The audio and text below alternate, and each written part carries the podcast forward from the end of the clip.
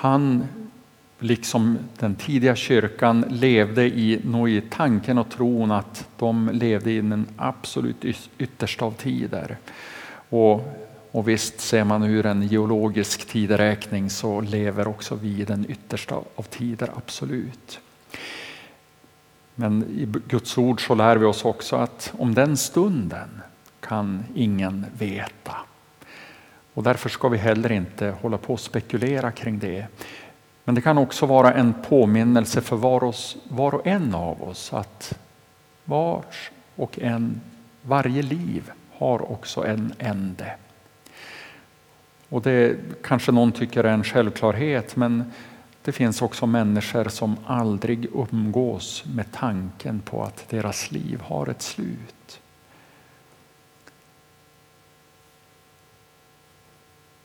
Nu är slutet på allting nära. Var då samlade och nyktra så att ni kan be. Det finns lite olika översättningar på, på det som står i den där meningen. Folkbibeln har, har kloka och nyktra. Och ordet bakom samlade kan betyda klok eller rationell. Och, eh, också att utöva självbehärskning. Alltså på ett sånt, nykter på ett sådant sätt att, att man inte berusar sig så att man, man, man förlorar sin självkontroll och självbehärskning. Och varför då? Jo, för att vi ska kunna be. Aposteln uppmanar oss på andra ställen, be alltid, var alltid i bön.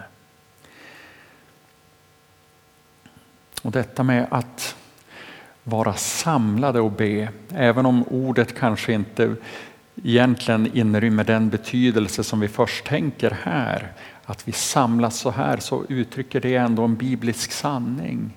Att kristna behöver vara samlade tillsammans för att be. Älska varandra hängivet. Ty kärleken gör att många synder blir förlåtna.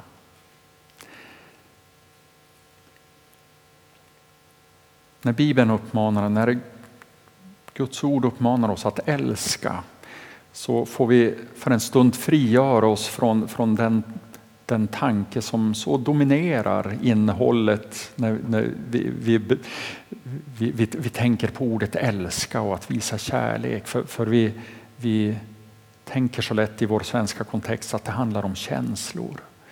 Men i en biblisk, det bibliska sammanhanget så handlar älska framför allt om hur du agerar mot din medmänniska. Älska varandra, inte i tomma ord, utan i handling och i sanning.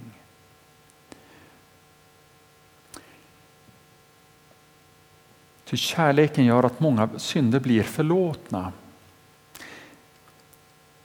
I Lukas 7 så läser vi om, om Jesus som är hemma på en måltid hos Simon, farisén och där kommer det dem som synderskan. Kanske är det Maria Magdalena. Hon tvättar Jesu fötter med sina tårar och smörjer med dyrbar olja och blir förebrådd för detta av, av husvärden, middagsvärden. Men Jesus säger hon har fått förlåtelse för sina många synder, till hon har visat stor kärlek. Den som får lite förlåtet visar liten kärlek.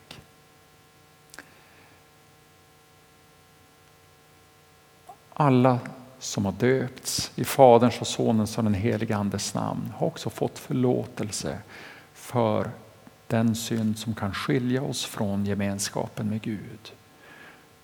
Den som tror på Jesus är förlåten. Och vi har inte fått lite förlåtet, vi har fått oändligt mycket förlåtet.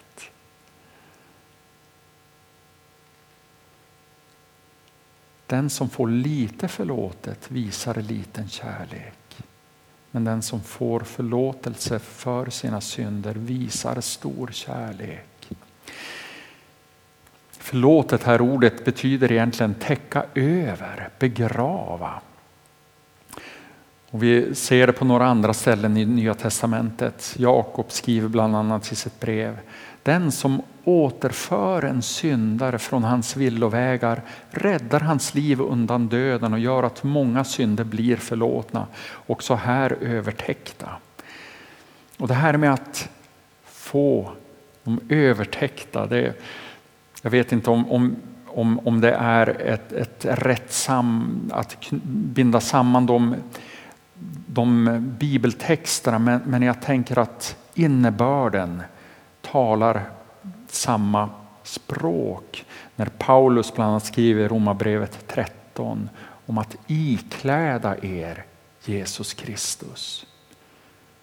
Vi ikläds den vita dräkten när vi döps, bokstavligt. Men den står ju också för den renhet som Kristus ikläder oss.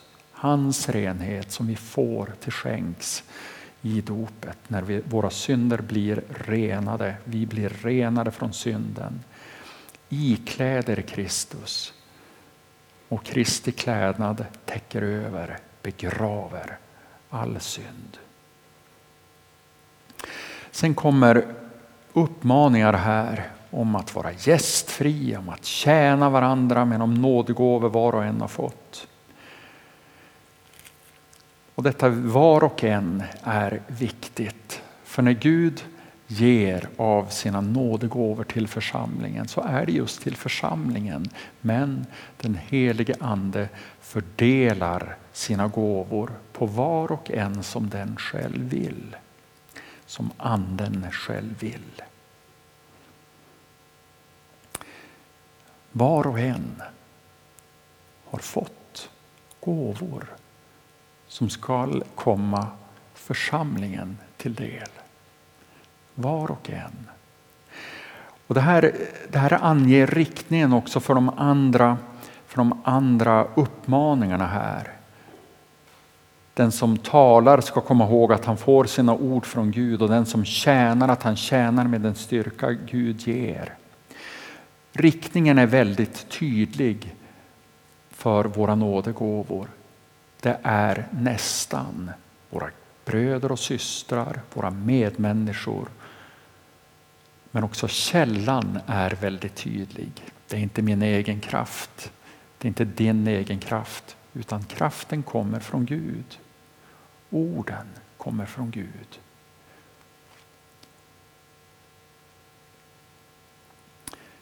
Låt Gud förhärligas i allt detta genom Jesus Kristus.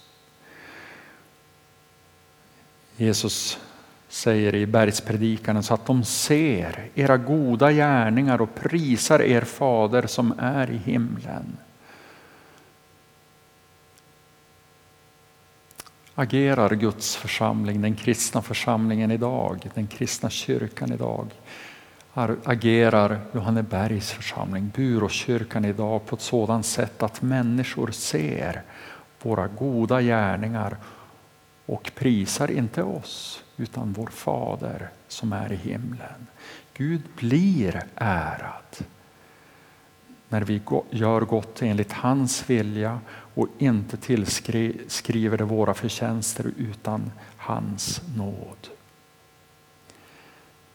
Låt Gud förhärligas i allt detta genom Jesus Kristus. Hans är härligheten och makten i evigheters evighet. Amen.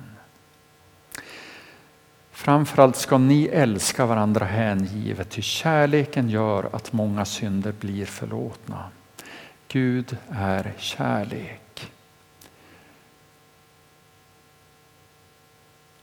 Och hans kärlek gör att våra synder blir förlåtna. Låt det vara det ord som vi står på när vi nu ber och bekänner.